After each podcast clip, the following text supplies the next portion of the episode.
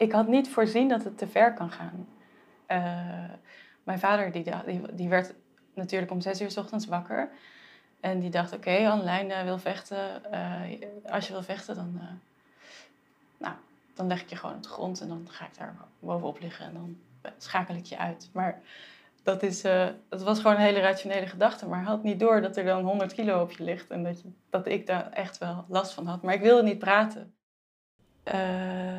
Iedere kunstenaar koestert wel een werk dat diegene nooit heeft kunnen maken. Misschien vanwege een gebrek aan geld en tijd. Wellicht zaten de zwaartekracht of andere natuurwetten dwars. Of bleek een ander om met dat ene geniale idee te zijn weggelopen. In deze podcast gaan Lineke Hulshoff en ik, Maurits de Bruin, met kunstenaars in gesprek over werken die het daglicht nooit hebben gezien. En over de betekenis van succes versus falen. Je luistert naar een productie van De Bakke Grond en Mr. Motley.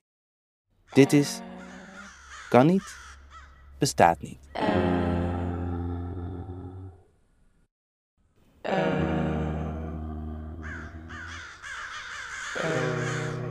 Een echte grafsteen met haar eigen naam erop. Daarmee wilde Annelijn Pompen jaren geleden afstuderen aan de Gerrit Rietveld Academie, afdeling Beeld en Taal. Maar de coördinator van die afdeling was niet van haar plannen gecharmeerd. En dat bleek genoeg om Annelijn een ander pad op te sturen. Afstuderen deed ze uiteindelijk, maar dat één idee was wat haar betreft, met alles wat ze nu weet, toch het gedroomde afstudeerwerk geweest. Voor de luisteraars die enigszins de draad kwijtraken, Annelijn en ik hebben samen in dezelfde eindexamenklas gezeten. Vandaar dat af en toe aan die gedeelde geschiedenis wordt gerefereerd.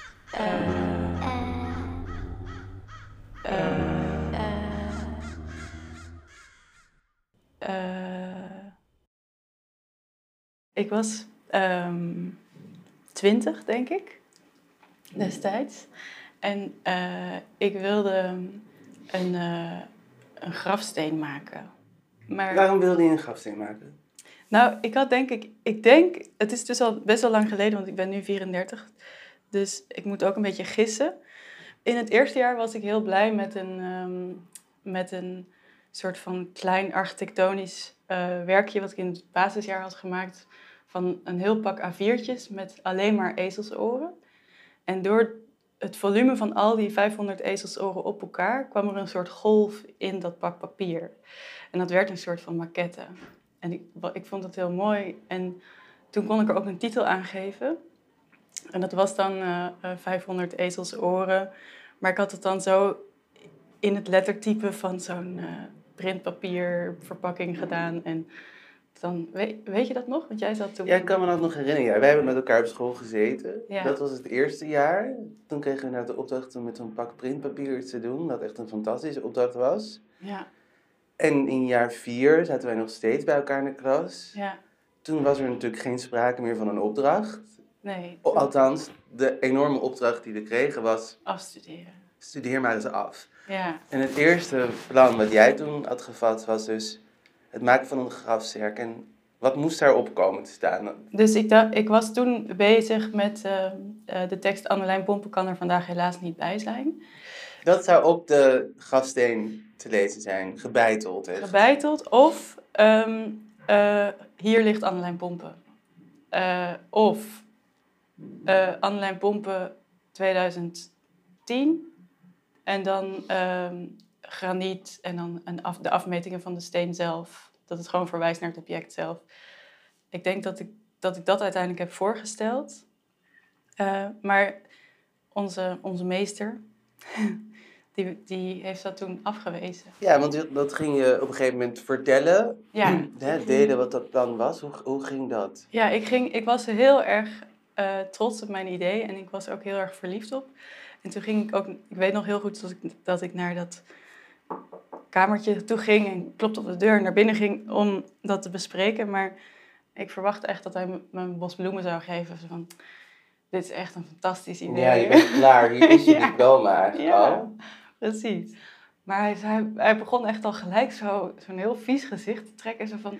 Uh, dan was ik gelijk zo van, nou, oké, eh, ik doe wel iets anders. Ja. Keek je enorm tegen hem op? Had hij een enorm overwicht? Of verloste hij je ook een beetje van dat idee dat je dacht, god ja, misschien is het ook wel... Nou, ik vond zijn energie wel leuk. Ik vond, ik vond het wel leuk dat hij ehm, eh, niet dat hij heel veel lef had of heeft.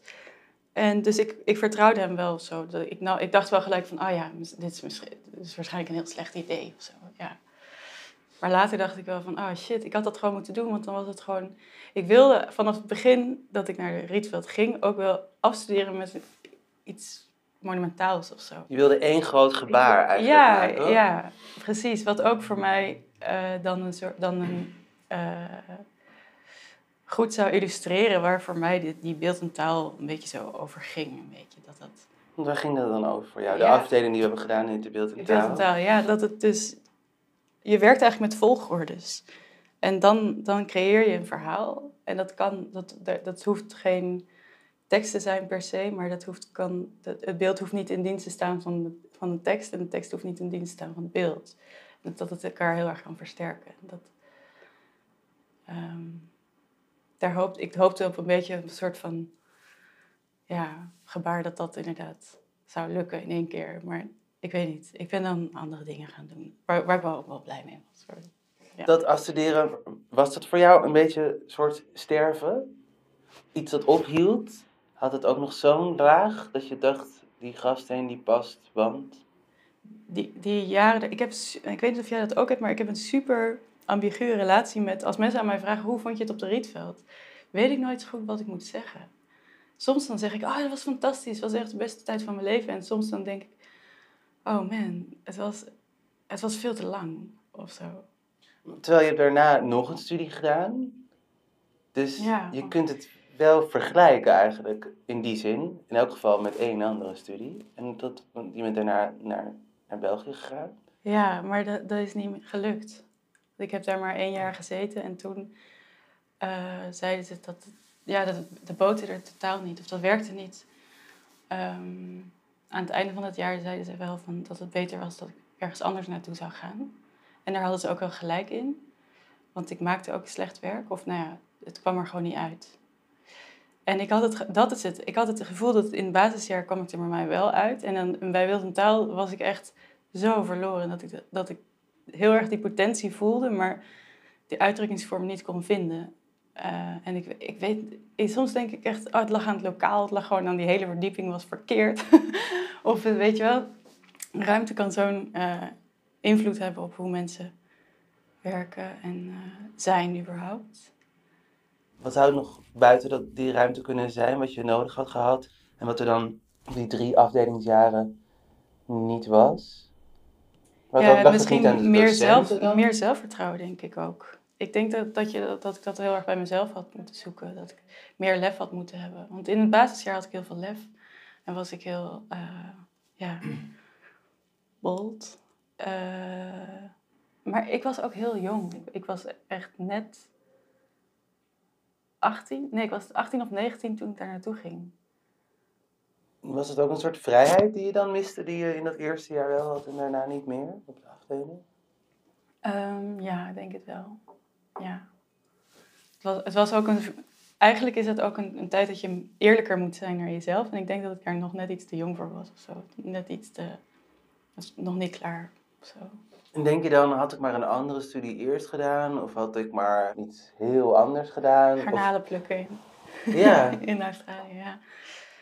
Ik, ik denk, had ik maar een vak geleerd. Um, was ik maar schoenmaker geworden of meubelmaker. Of uh, had ik maar eerst ambachtelijk iets.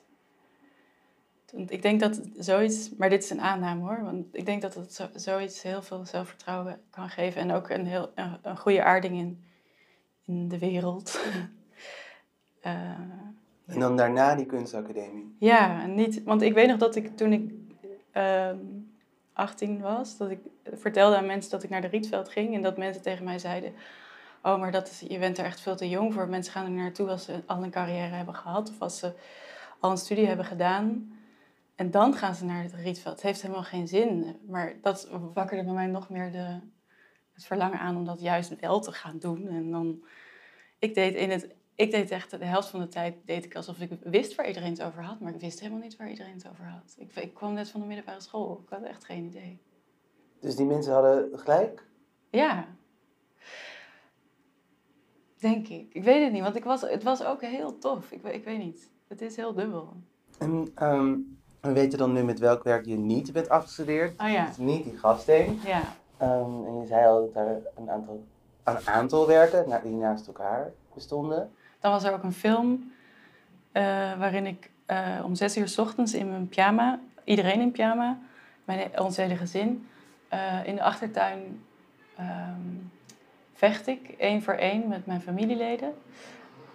en alle momenten van contact heb ik eruit geknipt in de montage. Of alle momenten van um, ja, dat we los van elkaar zijn, heb ik eruit geknipt. Dus dat je of heel, heel erg verstrengeld bij mijn uh, vader ben ik geloof ik heel erg verstrengeld en mijn moeder kan ik nooit raken. En uh, met mijn broer is het heel erg uh, explosief. En mijn andere broer die hangt als een schilderij in de boom. Want die was er niet bij? Die is er nooit bij. Nee. In het, e-, in het echt ook nooit. Ja. Dus dat, maar hij was. En het interessante is ook dat de gevechten eigenlijk altijd over hem gaan. In de, in de subtekst van een, van een, een gevecht. Ja. Dus dat. Uh, Welke opdracht had je toen aan, aan, je, aan je familie gegeven? Hoe had je dat, hoe had je dat verteld? Ja, met veel te weinig informatie en met veel te weinig. Uh, ik, had, ik had gewoon gezegd: ja, het is heel belangrijk dat jullie voor mijn afstudeerwerken er dan zijn. Um, en dat, we, dat jullie dus in je pyjama met mij vechten en, en er mag niet gepraat worden. Uh, maar ik had even regels moeten afspreken. Dat leer je dan ook. Zoals? Ja, zoals dat. Ik had niet voorzien dat het te ver kan gaan. Ik had. Mensen ja, hadden pijn. Ja, ja, nou ja. Uh, mijn vader die, die, werd natuurlijk om zes uur s ochtends wakker. En die dacht, oké, okay, uh, wil vechten. Uh, als je wil vechten, dan, uh, nou, dan leg ik je gewoon op de grond en dan ga ik daar bovenop liggen en dan schakel ik je uit. Maar dat, is, dat was gewoon een hele rationele gedachte. Maar had niet door dat er dan 100 kilo op je ligt en dat, je, dat ik daar echt wel last van had. Maar ik wilde niet praten. Maar er kwam dus, eigenlijk was het een soort van familieopstelling geworden zonder dat ik dat wilde. En ik had ook niet kunnen voorzien dat er hele dat er een soort van kast aan uh, emoties werd losgetrokken. En ik had dat even moeten. Volgende keer als ik zoiets zou doen, dan zou ik zeggen, zou ik een soort codewoord afspreken, denk ik. Of um, ja. Maar is dat rauwe en echte niet ook juist heel mooi aan die film? Ja, misschien wel. Maar is dat de reden ook dat je die momenten van lichamelijk contact eruit hebt gehaald? Nee, nee, nee. nee. Dat, Dat dat, was was, wel echt dan? met het idee dat je in, in, in een conflict elkaar ofwel niet kan raken soms, ofwel gewoon niet, dat je niet, geen ruimte van elkaar kan krijgen. En ehm, ja, ook, eh, dus het- ik wilde dat 's ochtends doen zodat, zodat iedereen nog heel erg in een soort droomwereld zou zitten. En ik heb het ook zo gemonteerd dat het, soms heb je in dromen dat, eh, dat je heel de tijd opnieuw moet beginnen. Dat je in een loop zit. Dus ik wilde als dan in het, het was een heel statisch beeld, gewoon één camera, één standpunt, als een soort van theatertje. En dan als mijn broer dan afging, dan rolde, dan, dan ging ik heel even mee, maar dan gelijk er, ik kwam gelijk al de volgende, zeg maar. eh, Ja, want jij was de constante factor, dus iedereen Ja. moest tegen jou opnemen eigenlijk. Ja. Ja, en ik heb dat later dan in Berlijn eh, vertoond op een festival, die film. En ik heb het, ik heb het even een beetje gehermonteerd. Ehm, en ik vond het heel grappig om te merken hoe mensen anders omgaan. Want voor mij, ook op, op de, bij dat afstuderen op de Rietveld, waren er heel veel vrouwen die, zei, die boos werden bij dat gevecht met mijn vader. Omdat, ja, achteraf gezien hebben mijn vader en ik daar goed over gepraat. En was het, weet je wel, we zijn even goede vrienden en het is allemaal oké.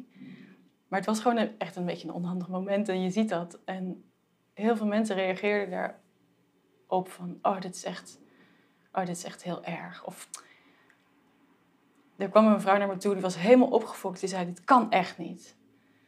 En ik zei, oh, oké. Maar het werk kan niet of het feit dat je vader dat deed kan niet? Of... Nee, dat ik dat liet zien. Dat ik dat... Uh, dat is echt heel erg... Uh, ik weet niet, het was echt veel te gewelddadig voor haar. En, ja. En uh, ook in Duitsland waren er soms... van dat beetje keurig Duits publiek. Ehm, wat, wat al heel snel dan de, de, de kamer uitliep met hun kinderen en zei: Oh nee, nee, kom maar kindje, dit, dit gaan we niet, uh, hier gaan we niet in. Uh, maar op dat festival waren heel veel Syriërs. En uh, die wilden dat heel graag zien. En die vonden dat heel interessant. Er was een man die zei: Ik zou hier de hele dag naar kunnen kijken.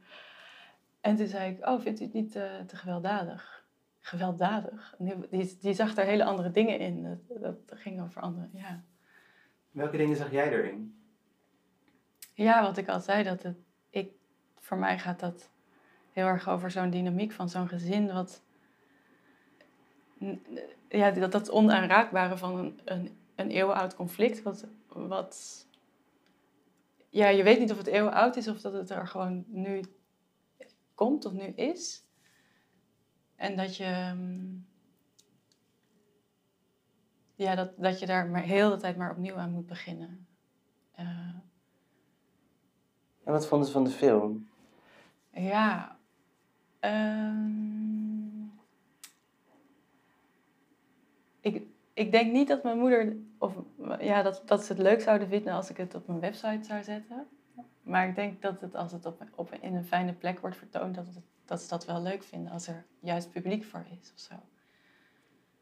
Maar ja, ze staan wel in een pyjama met mij te vechten. En, ja. Ze voelen zich wel kwetsbaar. Een beetje wel, ja, denk ik. Ja, mijn broer vond het wel grappig. Die is, maar die speelt ook dat hij... Die, die, hij, mijn broer is acrobaat. Mijn jongste broer. En die, uh, die pikte dat ook gelijk op als performance. Die, die voelde dat aan. En mijn ouders die die houden van mij en die willen iets voor mij doen. Snap je? Dat is een heel andere instelling. Het is ook wel grappig dat van jou houden en voor jou graag iets goeds willen doen, kan betekenen dat je op iemand gaat zitten en dat dat dan ontzettend pijnlijk is. Ja, ja dat, dat, dat zo, ik, we moesten allebei ook huilen na, uh, na afloop van dat gevecht. Want hij wist ook niet zo goed wat hij nou had gedaan. Hij was net wakker en, hij moest gaan vechten. Hij ging gewoon op automatische piloot, hop. Um, en wist gewoon even niet zo, oh, oh. Ja, omdat we niet mochten praten. Die communicatie was uit. Dus hij wist ook in, zo, in zoverre niet zo goed of ik nou een spel aan het spelen was of dat het echt was. En dat is, ja, het was een beetje verwarrend. Er zit wel iets heel moois in van dat jij eigenlijk met die film een soort van zegt: Ik ben nu volwassen, we gaan dit doen. En en dat je vader alsnog een soort van als kind behandelt. Maar tegelijkertijd ook misschien wel verwachten dat jij inderdaad een soort maatregelen had genomen zodat het niet uit de hand kon lopen. Dus dat wat hij ook zou doen, het goed zou komen. Ja. Maar je was natuurlijk nog steeds gewoon, je hebt gewoon een lichaam en hij heeft een lichaam. Dat houdt niet op, ook niet als je er een film van maakt. Ja, maar ik denk ook dat ik zo emotioneel werd, omdat ik, uh, je ontkomt dan in zo'n situatie op een of andere manier toch even niet aan je kind zijn. Dat plan dat u uiteindelijk niet bent gaan doen, dus die steen, dat is dan bij je teruggekomen, zo van, als een soort spook. Van waarom heb je dat niet gedaan waarom heb ik dat niet gedaan? Ja. En waarom denk je dat dat dan is? Omdat ik hem gelijk gelijk had gegeven. En nu, uh, nu ik um, gewoon mijn eigen praktijk heb, al meerdere jaren, uh, heb ik geleerd dat soms weten mensen nog niet dat iets goed is omdat het er nog niet is. Of dan, dan moet je er gewoon even doorduwen en, en uh, scheid hebben. Maar jij zei eigenlijk gewoon tegen die ik wil dit en dit doen. hij zei, doe maar niet. En toen was het ook meteen klaar. Ja, zei oké. want ik dacht gewoon, ja, ik heb nog tien andere ideeën in mijn zak. Ik, ik ging wel, want ik, ik heb, ben ook nog afgestuurd met foto's daarbij. Komt wel goed. Ja, ik, weet, ik vond het denk ik... Ik weet nog dat iedereen zo gestrest was over dat eindexamen, dat ik, dat ik, dat vond ik ook een beetje um, stressvol dat ik geen zin had om conflicten op te zoeken over ruimtes en uh, daglicht. En, uh, ik, het idee alleen, ik, ik, nee, ik had daar geen zin in. Dus ik, toen ik begon in Rietveld, voelde ik wel heel erg uh, die ambitie dat, die, dat het afstuderen iets gigantisch geweldigs moest gaan zijn. Maar het was gewoon bij mij persoonlijk dat ik zelf iets minder was geloven in dat hele, in mijn hele ja, kunnen op dat vlak. En daarom heb ik denk ik ook niet heel erg ingezet op een soort, ik wil dat. En ik wil het zo en ik wil die muur, dit, ik, ik weet niet.